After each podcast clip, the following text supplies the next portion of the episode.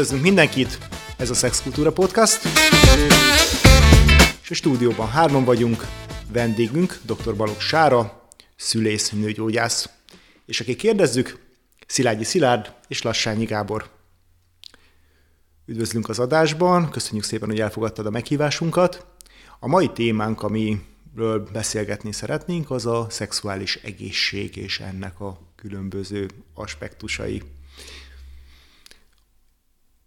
Igazából az első kérdésem az, hogy ha arról beszélünk, hogy szexualitás és szexuális egészség, akkor te a praxisodban mit tapasztalsz, mennyire vannak az emberek tisztában a, ennek az alapfogalmaival. Nyilván a, te alsósorban gondolom a szülőkorú nőkkel találkozol, hogyha, hogyha szülészként dolgozol, hogy, hogy, hogy a higiéniával, a kockázatokkal, a szexuális egészségnek az alapfogalmaival, mit, mit tapasztalsz ebben?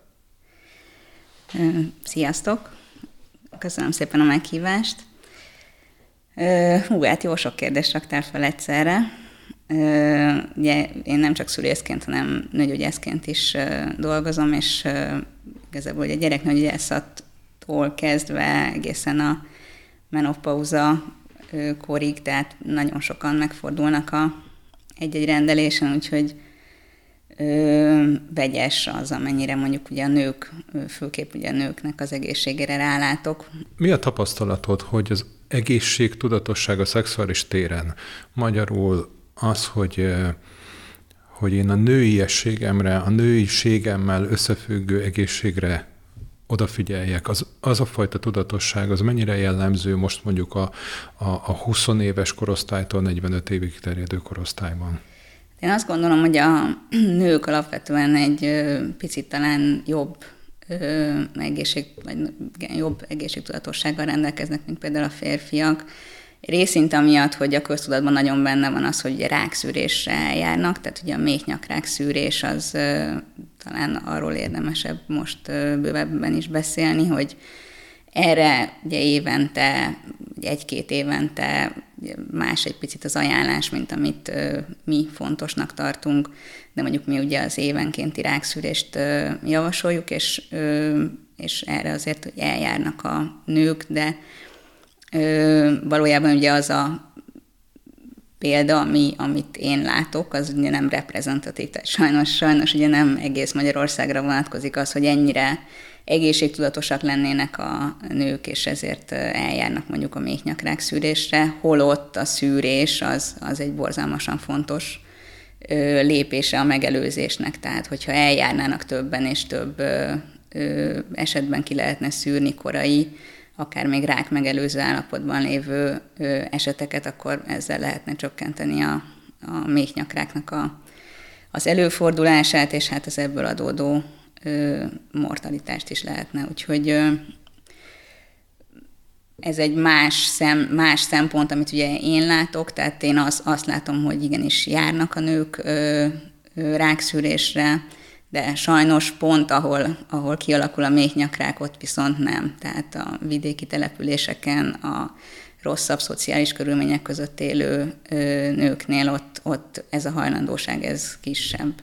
Mi, miért kisebb ez a hajlandóság? Az információ hiány miatt, vagy az anyagi lehetőségek korlátja miatt? Hát mind a kettő. Ö, nyilván egy magánrendelő az ö, más, tehát hogy oda ö, nem kötelező eljárni, nem mindenki teheti meg, hogy mondjuk magánrendelőben megy, de egyébként elmehet, ö, hogyha van ö, érvényes biztosítása, ö, akkor el, el tud menni nem...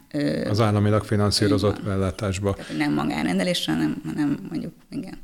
Mi az ajánlás most, hogy gyakorlatilag milyen gyakran illene vagy kellene, mondjuk, hogyha valaki kifejezetten mondjuk a TB szerinti nőgyógyászati szűrésekre jár, amikor, milyen gyakran kéne járni, milyen életkorban? Milyen életkorban? Milyen, igen, hogy melyik életkorban milyen, milyen, milyen gyakorlatilag hát, az ajánlás? Ugye, vagy 18 éves kortól, vagy a szexuális élet megkezdét követően egy évvel, uh-huh. onnantól évente, de mm, hogyha jól tudom, akkor például a WHO-nak az ajánlása az két-három évente uh-huh. szűrést javasol,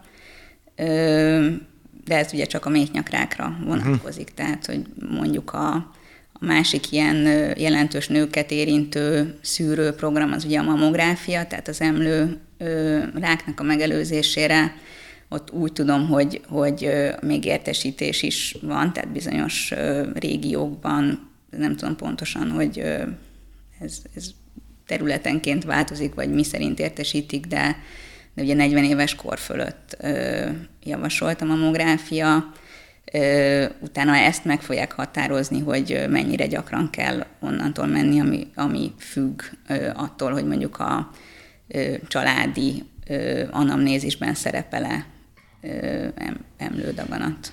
Tehát akkor azt mondhatjuk, ugye, hogy azt mondtad, hogy a nőknél egy picit nagyobb a tudatosság, legalábbis azokban a szociális rétegekben, ahol azért van egy picit, picit több forrás, meg energia, meg hagyomány arra, hogy az emberek az egészségükkel foglalkozzanak. Ugye a férfiaknál inkább az a tapasztalat, hogy hát a férfiak többsége akkor megy el szűrésre, ha már valami, vagy ha már valami olyan tünete van, tehát fáj, vagy folyik, vagy, vagy valami nagyon, valami olyan, olyan történik, ami, amit nagyon úgy érzi, hogy nem oké. Okay Ugyanez az ajánlás férfiakkal kapcsolatosan létezik-e ilyen, vagy léteznek, léteznek-e hasonló ajánlások, hogy mondjuk urológushoz milyen gyakran kellene járnia, vagy milyen korosztálytól a férfiaknál? Hát ma reggel felhívtam az urológus kollégámat, hogy megkérdezzem, hogy pontosan mi az ajánlás, mert ő sajnos nem tudott eljönni. Ő azt mondta, hogy például a prostatarák szűrésére ugye 45-50 éves kortól érdemes uh-huh. elmenni ami, ami még ugye ilyen szűrő jellegű, majd erről még egy pár szót, hogy, hogy ugye a prostata ráknak a szűrése, ugye ez egy a férfiak számára valószínűleg nagyon elrettentő vizsgálatból áll, ami ugye egy, egy rektális vizsgálat, de ezt ki szokták egészíteni a PSA vizsgálattal is, tehát ami egy tumormarker. Ami vérvétel. Vérvé, tehát, tehát magyarán a, a fenekébe fenéken keresztül történik egy tapintásos vizsgálat a prostatánál, és akkor emellett van egy vérvizsgálat, ami, ami szintén kimutathatja olyan alapanyagokat, vagy alanyagokat, amik a prostatának elváltozására utalnának. Azért azt így elmondhatjuk szerintem mi ketten férfiak, hogy, hogy azért önmagában azért ezek a vizsgálatok nem túl élhetetlen dolgok szerintem. Tehát az a hallgatóinknak, akik ettől félnének, férfi hallgatóink, szerintem ez azért ezek egy pár perces kell, kicsit kellemetlen, de nem vészes dolgok szerintem.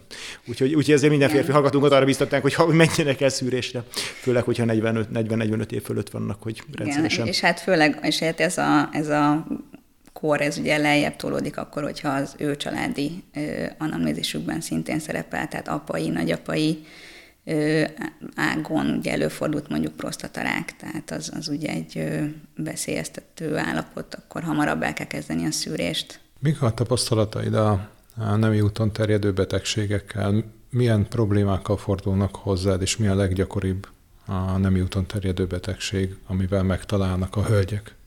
Hát ugye, e, erről nagyon-nagyon sokat lehet beszélni, mert egyrészt el kell különíteni azt, ami igazi szexuális úton terjedő fertőzések, tehát akár itt érthetjük azt is, amik a köztudatban a klasszikus nemi betegségek.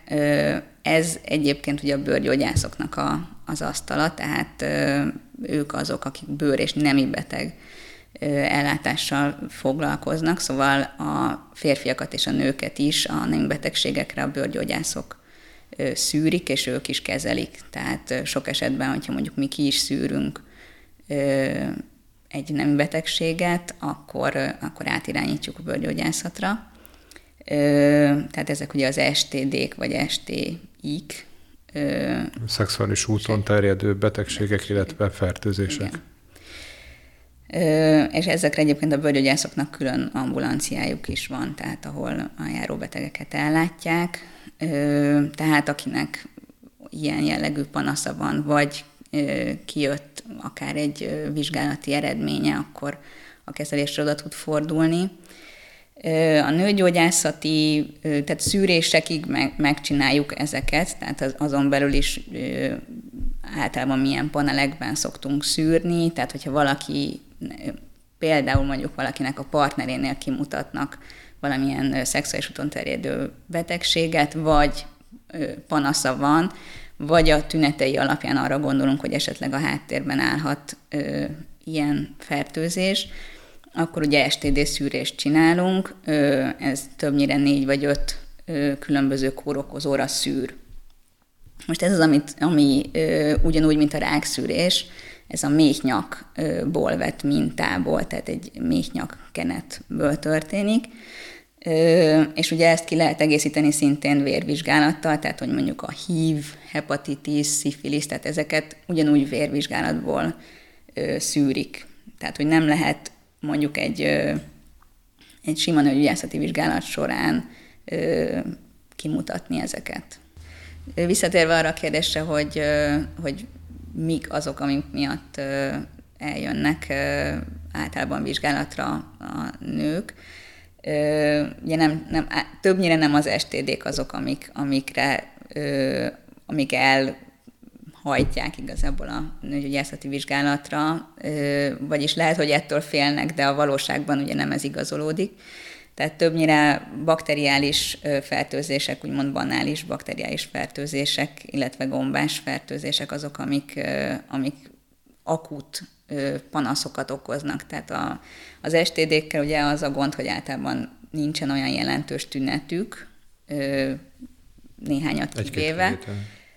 Ezek a bakteriális fertőzések és gombás fertőzéseknek viszont igen, tehát azok, amik akut fertőzést okoznak, és, és akkor többnyire nagyon megijednek az emberek, tehát és rögtön Hüvei folyás, csíp, a kellemetlen élete van, fájdalmat. Igen, tehát egy ilyen hüvei diszkomfort, irritáció érzés, fájdalmas együttlét, hüvei folyás, kellemetlen szag, tehát többnyire ezek azok a tünetek, amik, amik, amik jelentkeznek, illetve ezek azok a panaszok, amik végül tényleg elhozzák a vizsgálatra. És mivel ez könnyebben kialakul, mint mondjuk a férfiak esetében, talán ez is indokolja azt, hogy gyakrabban fordulnak a nők nem csak a szűrő időszakban, hanem, hanem ugye panaszokkal nőgyógyászokhoz hogyha a gyakorlatot vesszük, és hát nyilván itt a hallgatókunk többsége azért van aktív szexuális élete, eh, hogyan néz ki ez a történet, ha valaki egyszerűen csak azt mondja, hogy új partnerem van, volt egy kockázatosabb időszak az életemben, amikor olyan partnereim voltak, akinek nem feltétlenül tudtam a hátterét, vagy éppen nem védekezés, védekezés nélkül történnek dolgok. Milyen lehetőségeik vannak mondjuk egy mai 20-30 éves embernek arra, hogy, hogy mondjuk szüresse magát, hogy mondjuk megvizsgáltassa, hogy vannak-e van-e valami bármifajta fertőzése, vagy saját maga, meg esetleg az új partner szempontjából? Ö, hát egyrészt azonnal, tehát az, azután, hogy mondjuk volt egy olyan ö, együttlét, amelyiknél nem védekeztek, vagy felmerül az, hogy valamilyen ö, fertőzést esetleg elkapott, ö, ugye ki kell várni mindenképpen azt a inkubációs időt, ami, ami, ami után nem kap ugye fals negatív eredményt a, a szűrés. Tehát, hogy ki kell várni, ez mindegyik kórokozónál más de több hét általában. Tehát egy két-három hét mondjuk átlagban? Hát van olyan, amelyiknél négy-hat is van. Aha, tehát, aha. Ö, tehát több hét az, ameddig, ameddig a fe, lehetséges fertőzéstől mondjuk a szűrés az már egy ö, releváns eredmény lesz. Uh-huh. Szóval azonnal mondjuk másnap nem érdemes még elrohanni a nemi beteg gondozóba. Uh-huh.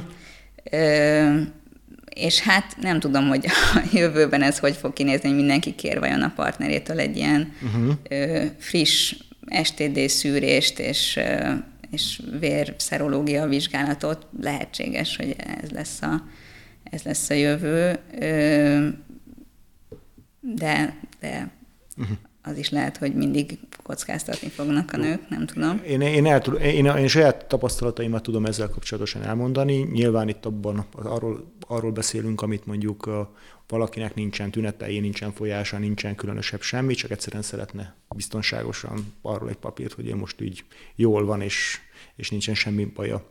Tehát ebben az esetben azért a magyar egészségügy azért azt gondolom, hogy ha az ember nem akar nagyon sok pénzt költeni, akkor nincsen a, magasla, a helyzet magaslatán. Én amit tapasztaltam, és ez nyilván Budafőle budapesti tapasztalat, az az, hogy el lehet menni TB jelleggel akár a bőr és neműbeteg gondozóba.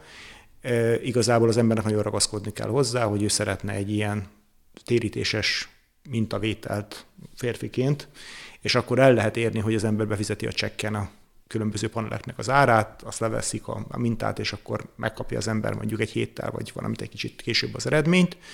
És hát a másik része nyilván, hogyha az ember ezt egy magán intézménybe teszi, ahol orvosi vizsgálattal egybekötve némileg több pénzért meg lehet ugyanezt csinálni. Azért nem horror összegekről beszélünk, hanem mondjuk, ha valaki csak a szűrővizsgálatot veszi, az 20-30 ezer forint körül, szerintem egy elég összetett panelt lehet. Nyilván egy, egy orvosi centrumokban 40-50 ezer forintokba kerül ez egy férfi, férfinak. Ugyanez, a nem tudom, hogy nőkkel ugyan, ugyanígy van-e nagyjából lehetőségekben, gyakorlati lehetőségekben Magyarországon. Gyakor, gyakorlati ugyanez, tehát az fontos, hogy ugye, akkor, hogyha az ember csak szűrő jelleggel panaszmentesen uh-huh. szeretné, akkor, akkor az állami ellátáson belül is ez egy térítés köteles uh-huh. szűrés, szóval uh-huh. ugye, ahogyan te is mondtad, csekket fog kapni, és ezt befizeti. Tehát, hogy teljesen ingyen nem, nem fogják leszűrni, uh-huh. akkor, hogyha ő csak ezt szűrésként uh-huh. szeretné. Uh-huh. Nyilván más akkor, hogyha, hogyha kifejezett panaszai vannak, és ez egy ö, javasolt mondjuk az állami uh-huh. intézményben.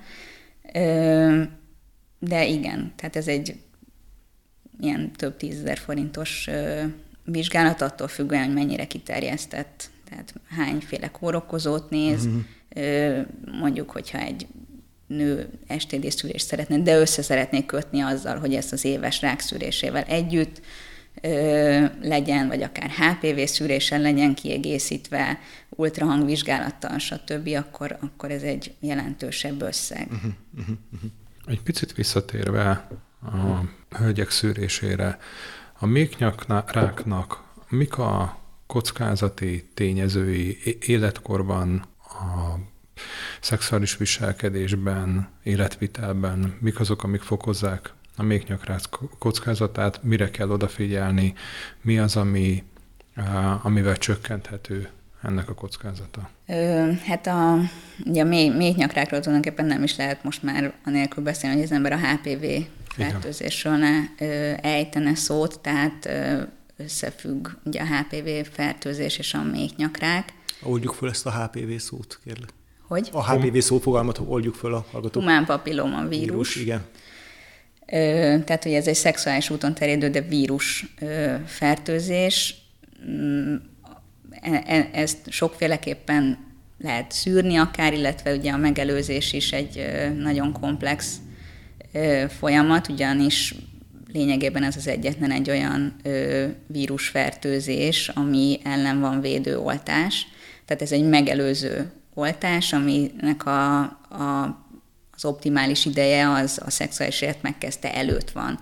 Éppen ezért ez most ráadásul időben is egy aktuális téma, mert néhány héttel ezelőtt zárult le azt hiszem a iskolákban a jelentkezés arra, hogy ezt ingyenesen... 13 éves korban adják, 13 éves kor körül adják be a magyar iskolákban, Igen, aki a szülők engedélyezik ezt azoknál a gyerekeknél? Van, tehát az iskolákban megkérdezik, és uh-huh. most jelen pillanatban ugye a kilenc komponensű HPV vakcinával oltanak, hogyha jól tudom, uh-huh.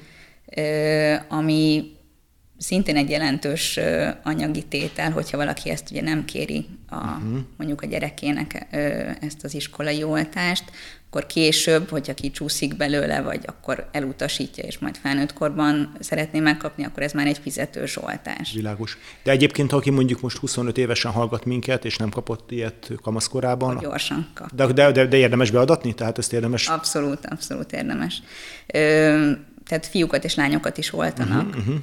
Ami különösen nagyon jó, amikor ez az egész oltási kampány elkezdődött nem Magyarországon, akkor akkor csak bizonyos országokban volt olyan, hogy a, hogy a fiúkat is uh-huh. oltották, és egyértelműen sokkal jobb eredmények születtek hosszú távon. Tehát mondjuk a, például a méhnyakrák megelőzés szempontjából egy, egy nagyon felelős döntés az, hogy a fiatal fiúkat, akik nek ugye méhnyakrákja biztos, hogy nem lesz, viszont a partnernek át tudják adni a HPV, magas kockázatú HPV fertőzést, és ezáltal ki tud alakulni ugye egy méhnyakrák a partnernél, vagy, vagy partnereknél később.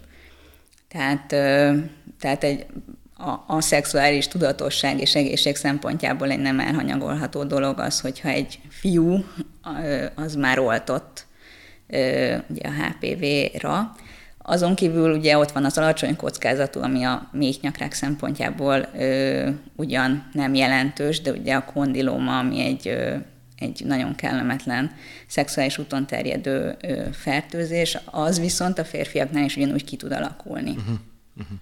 És ugye a HPV-nek az elterjedtségéről különböző felmérések születtek, a nyugati, a nyugati világban van olyan felmérés, amelyik azt mondja, hogy az szexuálisan aktív lakosságnak a 70%-a fertőzött. Tehát magyarul, aki, aki a védőoltást beadatja, az nagy valószínűséggel védve lesz a vírusfertőzéssel szemben. Hát a, ugye a HPV-nek nagyon sok szerotípusa van. Ö, tehát Különböző száz, változatai. Igen. Ez, ez, ez, ahogy mondtam, ugye kilenc komponensű, tehát összesen kilenc HPV törzs ellen véd. Úgyhogy ettől még lehet HPV fertőzése a későbbiekben, de ezek azok a HPV törzsek, amiknek a... amik, amik például a kondilomát alakítják ki, vagy a méhnyakrák szempontjából a legmagasabb rizikócsoportba tartoznak. Tehát akkor összefoglalva ezt a HPV-s oltást, tehát akik szülők hallgatnak minket, mindenképpen ajánlanánk, ugye, hogy a gyerekeiknek, ha van lehetőségük, ezt adassák be még mindenképpen. szexuális életmegkezdése előtt, és akik pedig felnőtt korban vannak és nem kaptak, és van rá anyagi lehetőségük, nekik szintén. Ezt hány éves korig, vagy ezt igazából szexuálisan aktív korig érdemes beadatni ja. folyamatosan? Tehát nincsen korhatár ebben. Aha. Miért fontos a a megelőzés a vírusoknál. Ugye az emberek gyakran keverik a bakteriális fertőzést és a vírusokat, és nagyon gyakori az a tévhit, hogy hát most már mindenre van orvosság. Miért fontos a vírusoknál a megelőzés?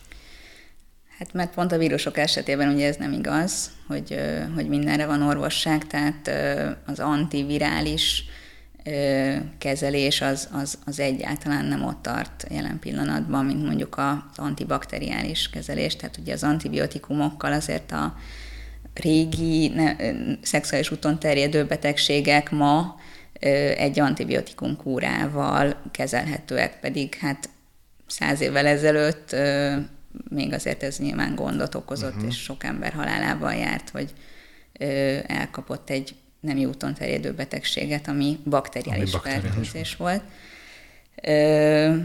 De hát ugye a vírusfertőzések azok, azok ellen nincsen, tehát hogyha most mondjuk nem szeretnék részletesebben kitérni, de ugye a hívnek a, a kezelése ma már sokkal jobb helyzetben van, mint akkor, amikor egyáltalán felismerték, hogy ez okozza ugye az AIDS megbetegedést, de attól még a, a összességében nézve az antivirális kezelés az nem annyira hatékony. Úgyhogy, úgyhogy ugye a HPV ellen is visszatérve erre, a HPV ellen sincsen egy olyan orvosság, amit hogyha ő eljön és leszűrjük, akkor pont tökéletesen meg fogja gyógyítani.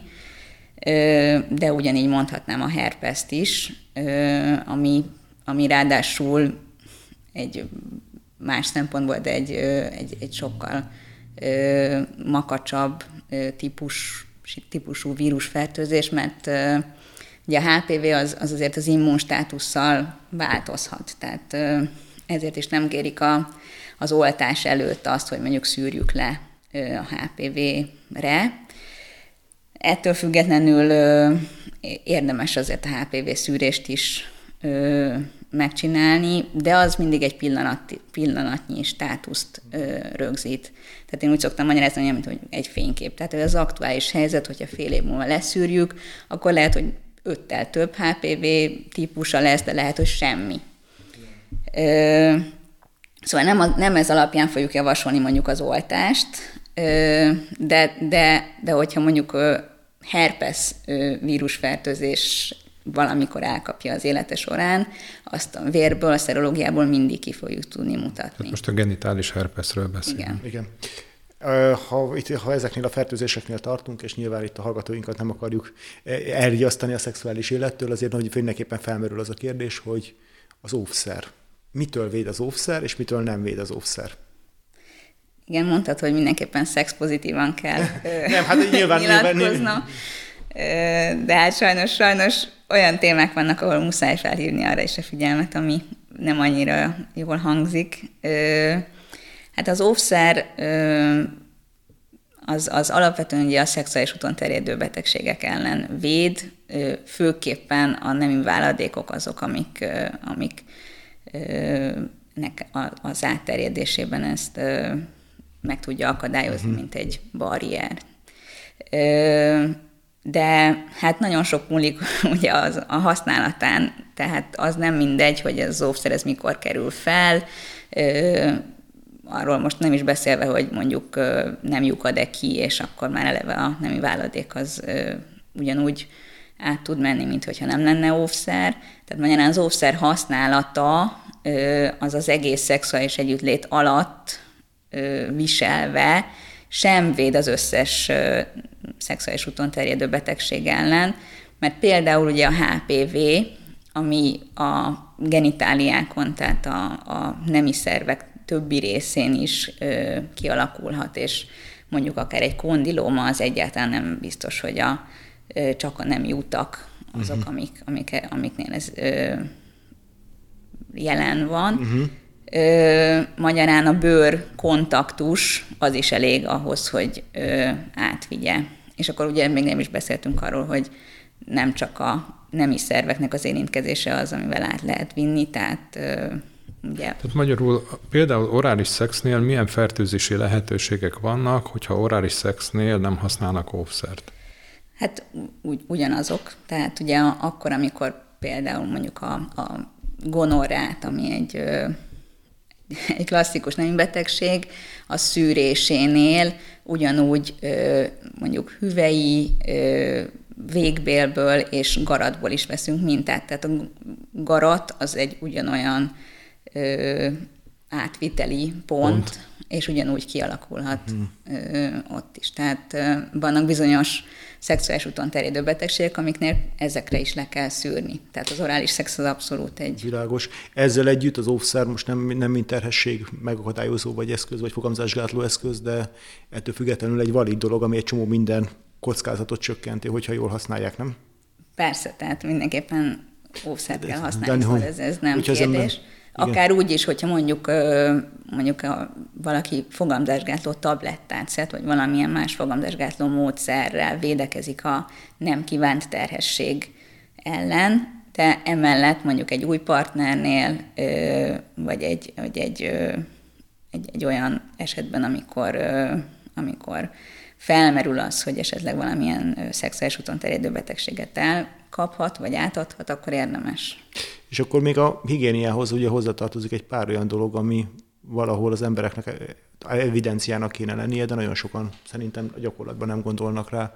Hát ez pedig az, hogy így azért alapvetően a szexhez azért nem árt bizonyos fajta tisztálkodás így előtte. Tehát, hogy például a kezet, a szájat, egyebet e, érdemes tisztán tartani, és, és ha nem, most a klasszikus mosakodáson is túl, nyilván itt a covid utáni időszakokban az emberekben még benne van ugye a kézmosás, meg a kézfertőtlenítés, de hát ezek mind olyan területek, amik azért elég sok mindent hordozhatnak, hogyha, hogyha nem higiénikusan kezd bele az ember e, ezekkel a területekkel foglalkozni. Igen, hát ugye a a szexuális edukáció az valahol itt kezdődik, hogy a higiénét azt, azt már tulajdonképpen a gyerekeknek meg kell tanítani, és amikor elkezdik a, a szexuális életüket, akkor, akkor pedig speciálisan az ezzel kapcsolatos higiénére a fiúknak és a lányoknak is.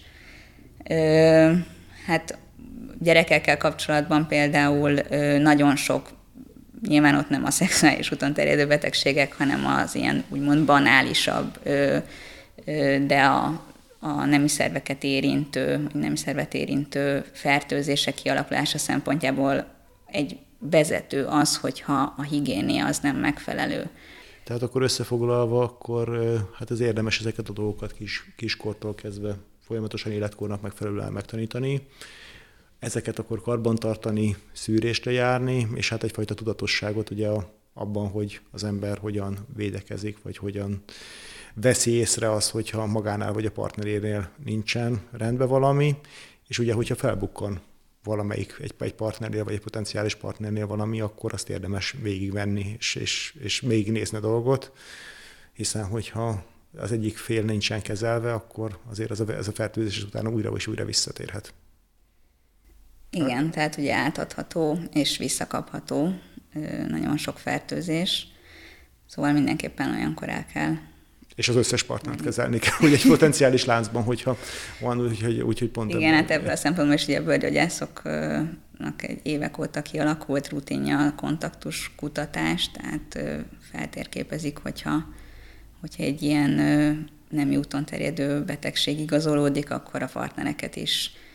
Ez régebben még jobban működött, uh-huh. de valamilyen szinten most is és, és akkor a összefoglalva a hallgatókat pedig arra biztatjuk, hogy, hogy, hogy menjenek, figyeljenek rendszeresen, szülessék magukat, azokat, amik kockázati tényezők, és ugye azért ezek megoldható dolgok, és a, ahogy az ember mondjuk az egészségére figyel, akár az étkezésben, akár egyéb dolgokban, ugyanúgy ezekre a szűrésekre is érdemes eljárni. Nyilván vannak ebben, amik kellemetlenebbek egy picit. Én férfiként tudom mondani, hogy nem halálos dolgok ezek, a rendszeres ilyen jellegű szűrések, és hát nyilván a nők, akik pedig járnak nőgyógyászhoz, ismerik ezeknek a metódusát, nyilván nem egy kellemes dolgok, de viszont hozzájárulnak ahhoz, hogy az embernek jobb minőségű élete legyen, és egy kicsit nyugodtabban tudjon erre a területére és az életének tekinteni. Hát igen, szoktam mondani, hogy hogy az a tényleg egy másodperces kis kellemetlen vizsgálat, ami mondjuk egy méhnyakrák szűrés, itt nem számítva azt, hogy egy alapvetően nem egy kellemes szituáció az, hogy, hogy fel kell ülni erre a bizonyos székre, és, és senki nem szereti a, a kacsát, amivel ugye feltárjuk a, a mészájat, de akkor is összehasonlíthatatlan az, a, az az egy másodperc ahhoz képest, amit mondjuk egy intim gyanta, vagy egy fokkő eltávolítás jelent, és mindig, amikor például fokkő eltávolításra vagyok, erre gondolok, hogy hát bár csak egy másodpercig tartana, ahogyan a méhnyakrák szűrés, és mennyire tudnak félni tőle, vagy akár tényleg az intim gyanta, ami szintén egy hosszadalmas dolog, és sokkal gyakrabban járunk rá, mint az egy évben egyszeri méhnyakrák szűrés, úgyhogy én abszolút mindenkit arra búzítok, hogy ezeken a félelmeken át kell lépni, mert, mert, mert a szűrés az borzalmasan fontos. Még a férfiakhoz visszatér, ugye az STD szűrés a férfiak esetében a húcsőből történik, ami, ami azért egy kellemetlenebb mintavételi hely. Tehát az a, ha, ha már össze kell hasonlítani, mondjuk prostatavizsgálatom még soha nem volt, de, de azért el tudom képzelni, hogy, Uh-huh. Hiába attól félnek jobban egyébként a húcsőből valami. Az is egy pár másodperces dolog egyébként, és túlélhető, tehát hogy nem egy, nem, nem, van lehet egy kicsit kellemetlen egy pár órát, de nem, meg nem, nem túlélhetetlen dolog, ezt beállíthatjuk mind a ketten. Igen. Hát a szülészként azért azt gondolom, hogy nehezen tudnának a férfiak olyan szituációt mondani, amelyik... Összemérhető lenne egy szülés. Ne, ne, nehezebben tolerálható, de ö, szerintem is ki lehet bírni valószínűleg.